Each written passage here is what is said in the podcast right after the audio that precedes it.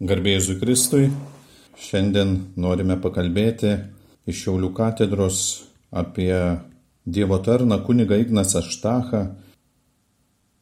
Aš esu Jurgita Gustytė Įvinskienė iš Varnių ir šiandien noriu papasakoti ir šiek tiek pakalbėti apie Dievo tarną kunigą Ignacą Štachą. 2016 m. spalio 30 d. Šiaulių vyskupas Eugenijus Bartulis paskelbė apie pradedamą Dievo tarnų kunigo Ignaco Dionizo Štacho beatifikacijos bylą. Beatifikacija tai asmens paskelbimas palaimintuoju po mirties, remintis vienu iš dviejų - kankinystės arba dorovinių pagrindų. Tuo aktu leidžiama Dievo tarną viešai garbinti, metų kalendoriui paskiriama jo šventės diena, aukojamos šventos mišios, skaitant specialius skaitinius, gėdant palaimintojo garbiai sukurtą litaniją. Dievo tarnai tarsi tampa šventaisiais tikinčiųjų draugais viskupijos ribose. Melsdamiesi Dievo tarnus prašome jų pagalbos ir užtarimo, kad gautume mums taip reikalingų Dievo malonių ir net stebuklų. Turime tokį nuostabų reiškinį Dievo gailestingumo, Dievo stebuklų šaltinį, per kurį gauname didelį užtarimą mūsų žmonėms, šiaulių žmonėms, atvykstantiems žmonėms, kurie puikiai žino iš tradicijos kunigo Štacho užtarimą, kunigo Štacho pagalbą žmonėms. Todėl norime keletą minčių pasidalinti, kaip tai vyksta ir kad jis iki šios dienos dirba mūsų katedroje ir iš tikrųjų yra nuostabus užtarėjas ir pagalbininkas visiems ir kunigams, ir žmonėms, ir mokiniams, ir studentams, kurie saugiai sekasi jiems egzaminai. Tiesiog tai, ką žino, iš tikrųjų kiekvieną dieną ten dega žvakutės, kiekvieną dieną žmonės ateina atsiklaupę, sukalba maldas ir iš tikrųjų vyksta pokyčiai ir daugybė parašų betifikacijos byloje surinkome, kad galėtume kuniga Štacho užvesti beatifikaciją ir stengtis, kad vyktų viskas iki palaiminimo, palaimintojo paskelbimo. Ignacas Štachas gimė 1797 metais, spalio pradžioje. Pakrikštytas buvo Varnių katedroje spalio 8 dieną, o krikštijo katedros altarista, archyvaras, kunigas Ignacijus Albrechtas. Krikšto metrikoje rašoma, kad kūdikio tėvas, medicinos daktaras, kilmingasis Andriejus Štachas, o motina kilmingoji Petronėlė Vaitkevičiūtė Krikšto tėvais buvo Varnių katedros kanauninkas Zenonas Glaško ir kilmingoji ponė Antanina Kobelinova. Kunigo Ignaco Štacho tėvą Andriejų dar 1795 metais į Varnius Žemaičių viskupijos centrą pasikvietė tuometinis vyskupas Steponas Gedraitis. Štacho šeimai vyskupas parūpino namus seminarijos išdos klipe. Šis namas dar stovėjo XIX amžiaus pabaigoje daktaru, vėliau kurį laiką buvusiu ir varnių burmistru, šeimoje augo du berniukai ir trys mergaitės - vyriausias Ignacas ir brolis Aleksandras, bei seserys Angelė, Teklė ir Liudmila. Trečiasis brolis Benediktas mirė būdamas kūdikiu. XIX amžiaus pirmoje pusėje gyvenimas Varniuose buvo gana intensyvus.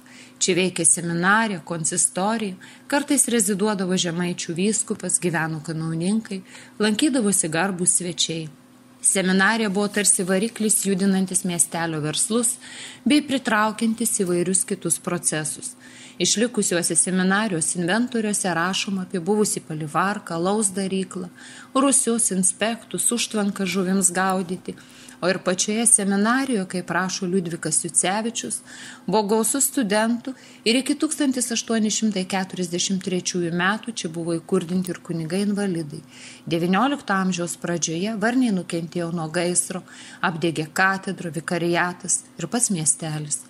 Tėvo darbas seminarijoje, bendravimas su profesoriais, dvasininkais ir miestų kilmingaisiais padarė įtaką Ignacui ir nieko nestebino jo ateimas į seminariją. Varnių kunigų seminarijoje mokėsi abu daktaro Andrėjaus sūnus. Ignacas seminariją baigė ir buvo išventintas į kunigus, o Aleksandras iš seminarijos išstojo, tapo vaistininku, dirbo Varniuose. Užtikrintai soti namų aplinka pasikeitė, kai 1824 metais mirė tėvas, o po šešerių metų ir motina. Išlikusių našlaičiais penkių daktarų vaikų Tik Ignacas 1821 metais jau buvo baigęs seminariją, išventintas kunigų ir pradėjęs dirbti sielovadinį darbą. Kunigas Ignacas Štachas baigė Varnių kunigų seminariją, dirbo Varnių katedroje, vikaru, po to Žemaičių viskupijos kancleriu, buvo labai stropus, pareigingas, Atsakingai sutvarkė viskupijos archyvus, sumanus, energingas kunigas ir po to paskirtas Šiaulių bažnyčios klebonu. Tai buvo vienintelė tuo laiku bažnyčia Šiauliuose ir apylinkėse. Taigi žemaičių vyskupas Motėjus Valančius po apsilankimo Šiauliuose savo žemaičių viskupystėje rašė, kad parapijos žmonės myli ir gerbia kunigus, o apie Šiaulių bažnyčią tiesiog pranašiškai pasakė, kad ji verta būti katedra. Ir 1997 metais, gegužės 28-ąją, Šventasis Jonas Paulius II įkūrė Lietuvoje naują Šiaulių viskupiją, paskyrė naują mūsų vyskupą, esant iki šios dienos, ir Šiaulių šventųjų paštulų Petro Pauliaus bažnyčiai suteiktas katedros titulas. Vyskupas Motiejus Valančius namų užrašuose kuniga Ignacą Štachą mini kaip Šiaulių kleboną, kuriam teko laidoti choleros epidemijos 1848 metais išplitusios Žemaitijoje aukas. Pirmąją jos auka tapo Šiaulių pašto viršininkas ir kavalierius ponas Kornilovičius, kuris sirgo vos šešias valandas.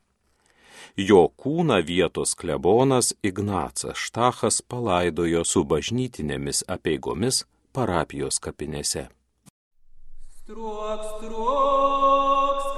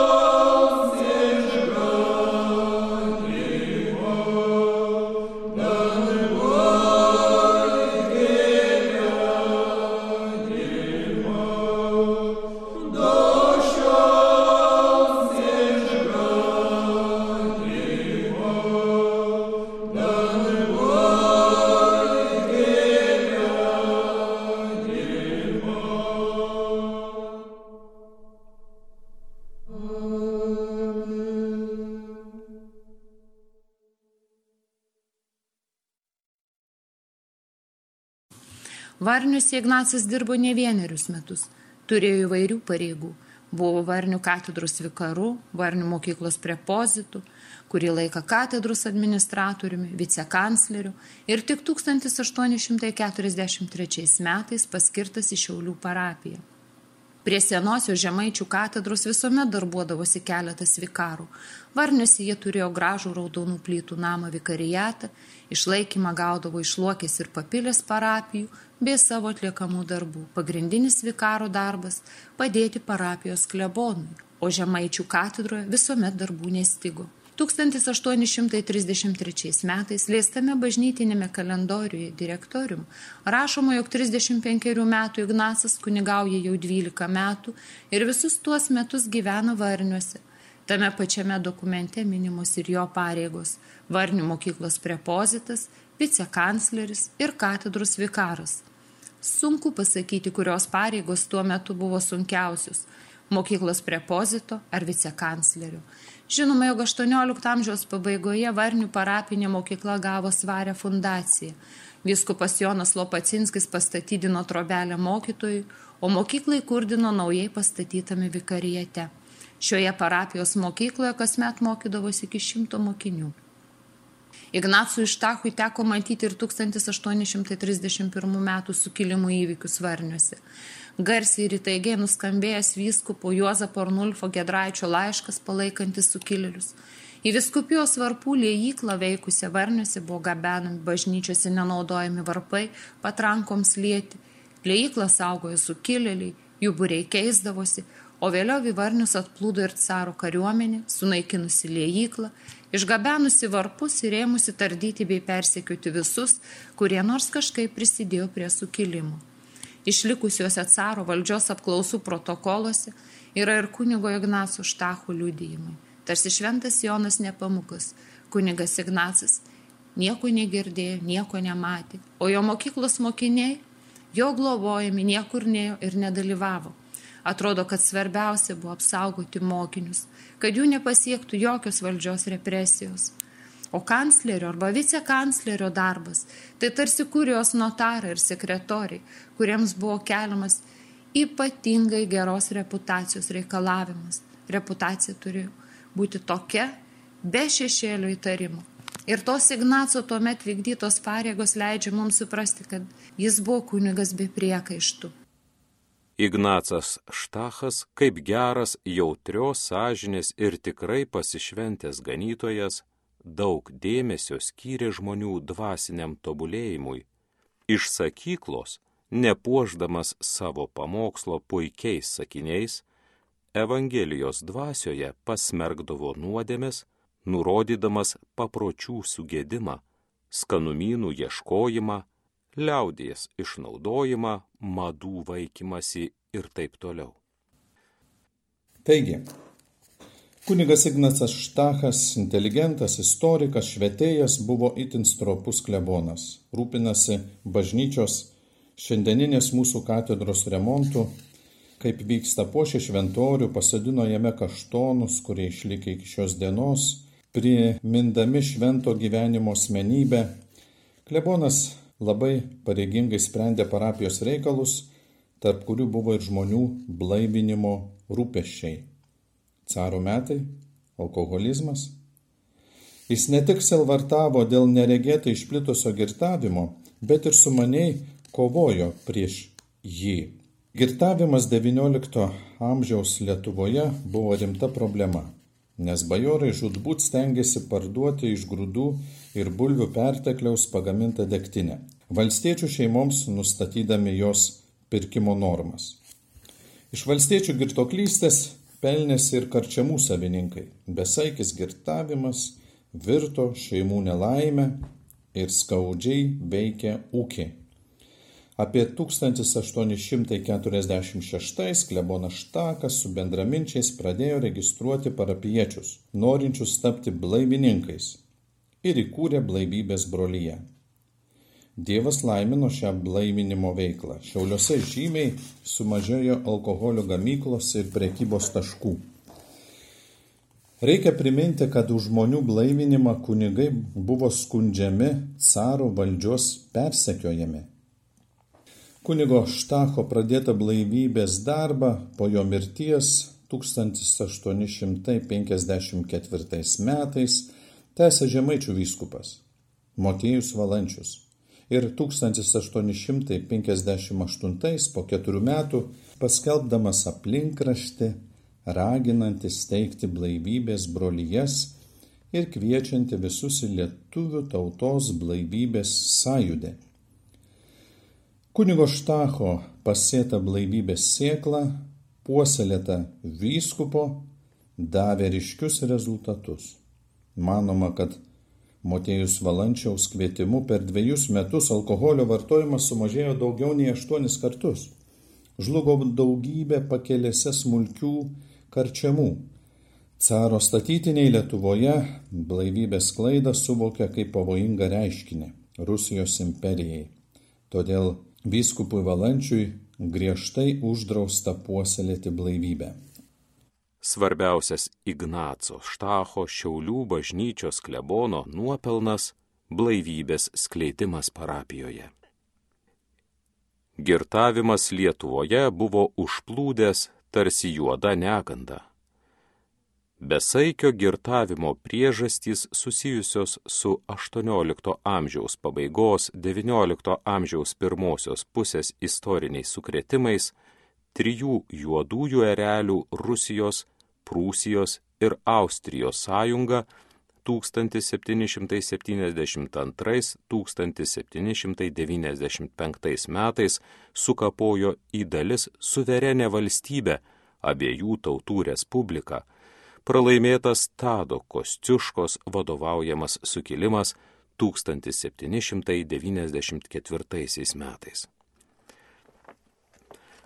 Žlugo valstiečių socialinio išsilaisvinimo iš baudžiavos viltis ir išaugo atskirų visuomenės sluoksnių siekis pelnytis iš žmonių įdų. Carinės Rusijos priespaudos ir baudžiavos laikais dvarininkai stengiasi įsitaisyti savo dėktinės varyklas, o smulkių buvo pilna visose pakelėse ir kaimuose, jas statė dvarininkai ir išnuomodavo žydams. Girtybė buvo nepaprastai įsigalėjusi, nes dvarininkai dažnai versdavo savo valstiečius gerti, reikalaudami, kad jie kasmet nupirktų tam tikrą kiekį degtinės. Į girtavimą žmonės stūmė ne tik prievartą, bet ir baisus skurdas, nesėkmės, sunkios nelaisvės našta, vilties, kad bus geriau nebuvimas. Pamažu kasdienybėje įsitvirtina jausmus ir mąstymas lopinantis skystis, vyskupas Kazimieras Paltarokas rašė, alkoholis apsvaigina galvą, žmogus tam sykiui nebesupranta savo nelaimės. Airijos blaivybės sąjūdžio pėtsakai Lietuvoje. Blaivybės idėja 1838 metais kilo Airijos kunigui pranciškono Teobaldo Matijų dėka. Apie airių sąjūdį reikalaujantį aprobuoti arba net visiškai uždrausti svaigalų pardavimą rašė tuo metu Europos ir Rusijos spauda blaivybės brolyjų steigimo patirtį iš airių bemat perėmė vokiečiai, po to lenkai. Vienas pirmųjų, kuriuos užvaldė mintis apie Lietuvos valstiečių blaivinimą, galėjo būti Žemaičių viskupijos vicekancleris ir katedros mokyklos vedėjas, būsimasis Šiaulių bažnyčios klebonas kunigas Ignacas Štachas, mokėjęs kelias, kiek žinoma, vokiečių, lenkų, rusų, lotynų, lietuvių kalbas.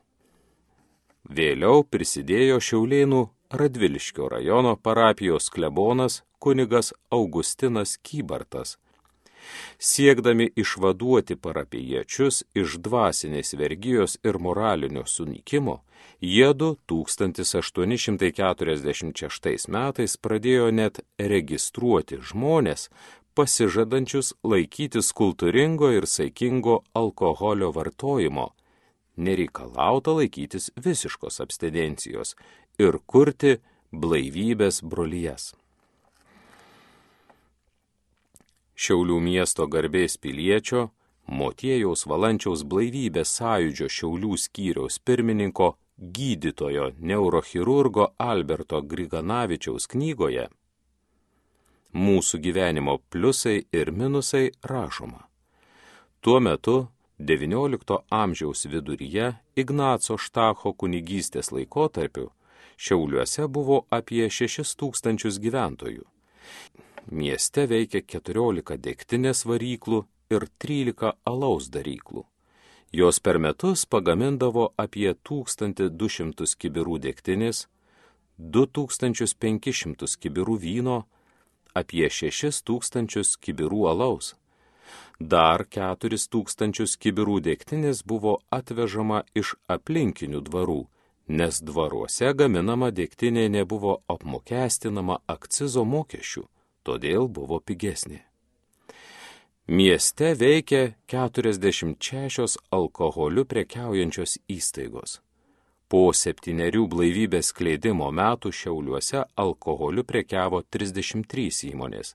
Vėliau jų skaičius dar sumažėjo, nors gyventojų daugėjo. Taigi Šiaulių ir Šiaulėnų parapijos pirmieji blaivybės žydiniai Lietuvoje, lokalinės šių kunigų akcijos neperžengė parapijų ribų. Todėl menkai žinotos anų idealistų pirmūnų stumiamas vežimas tik išlėto te judėjo. Tačiau jų patirtį 1858 metais po visą žemaičių viskupiją pradėjo skleisti didysis ganytojas, vyskupas Motiejus Valandžius. Katalikų blaivybės brolyjų įstatai galutinai buvo suredaguoti Vokietijos provincijos Breslau, Vroclavo vyskupo kardinolo Melchiljoro Dipenbroko. Juos 1851 metais Liepos 28 patvirtino popiežius Pijus IX.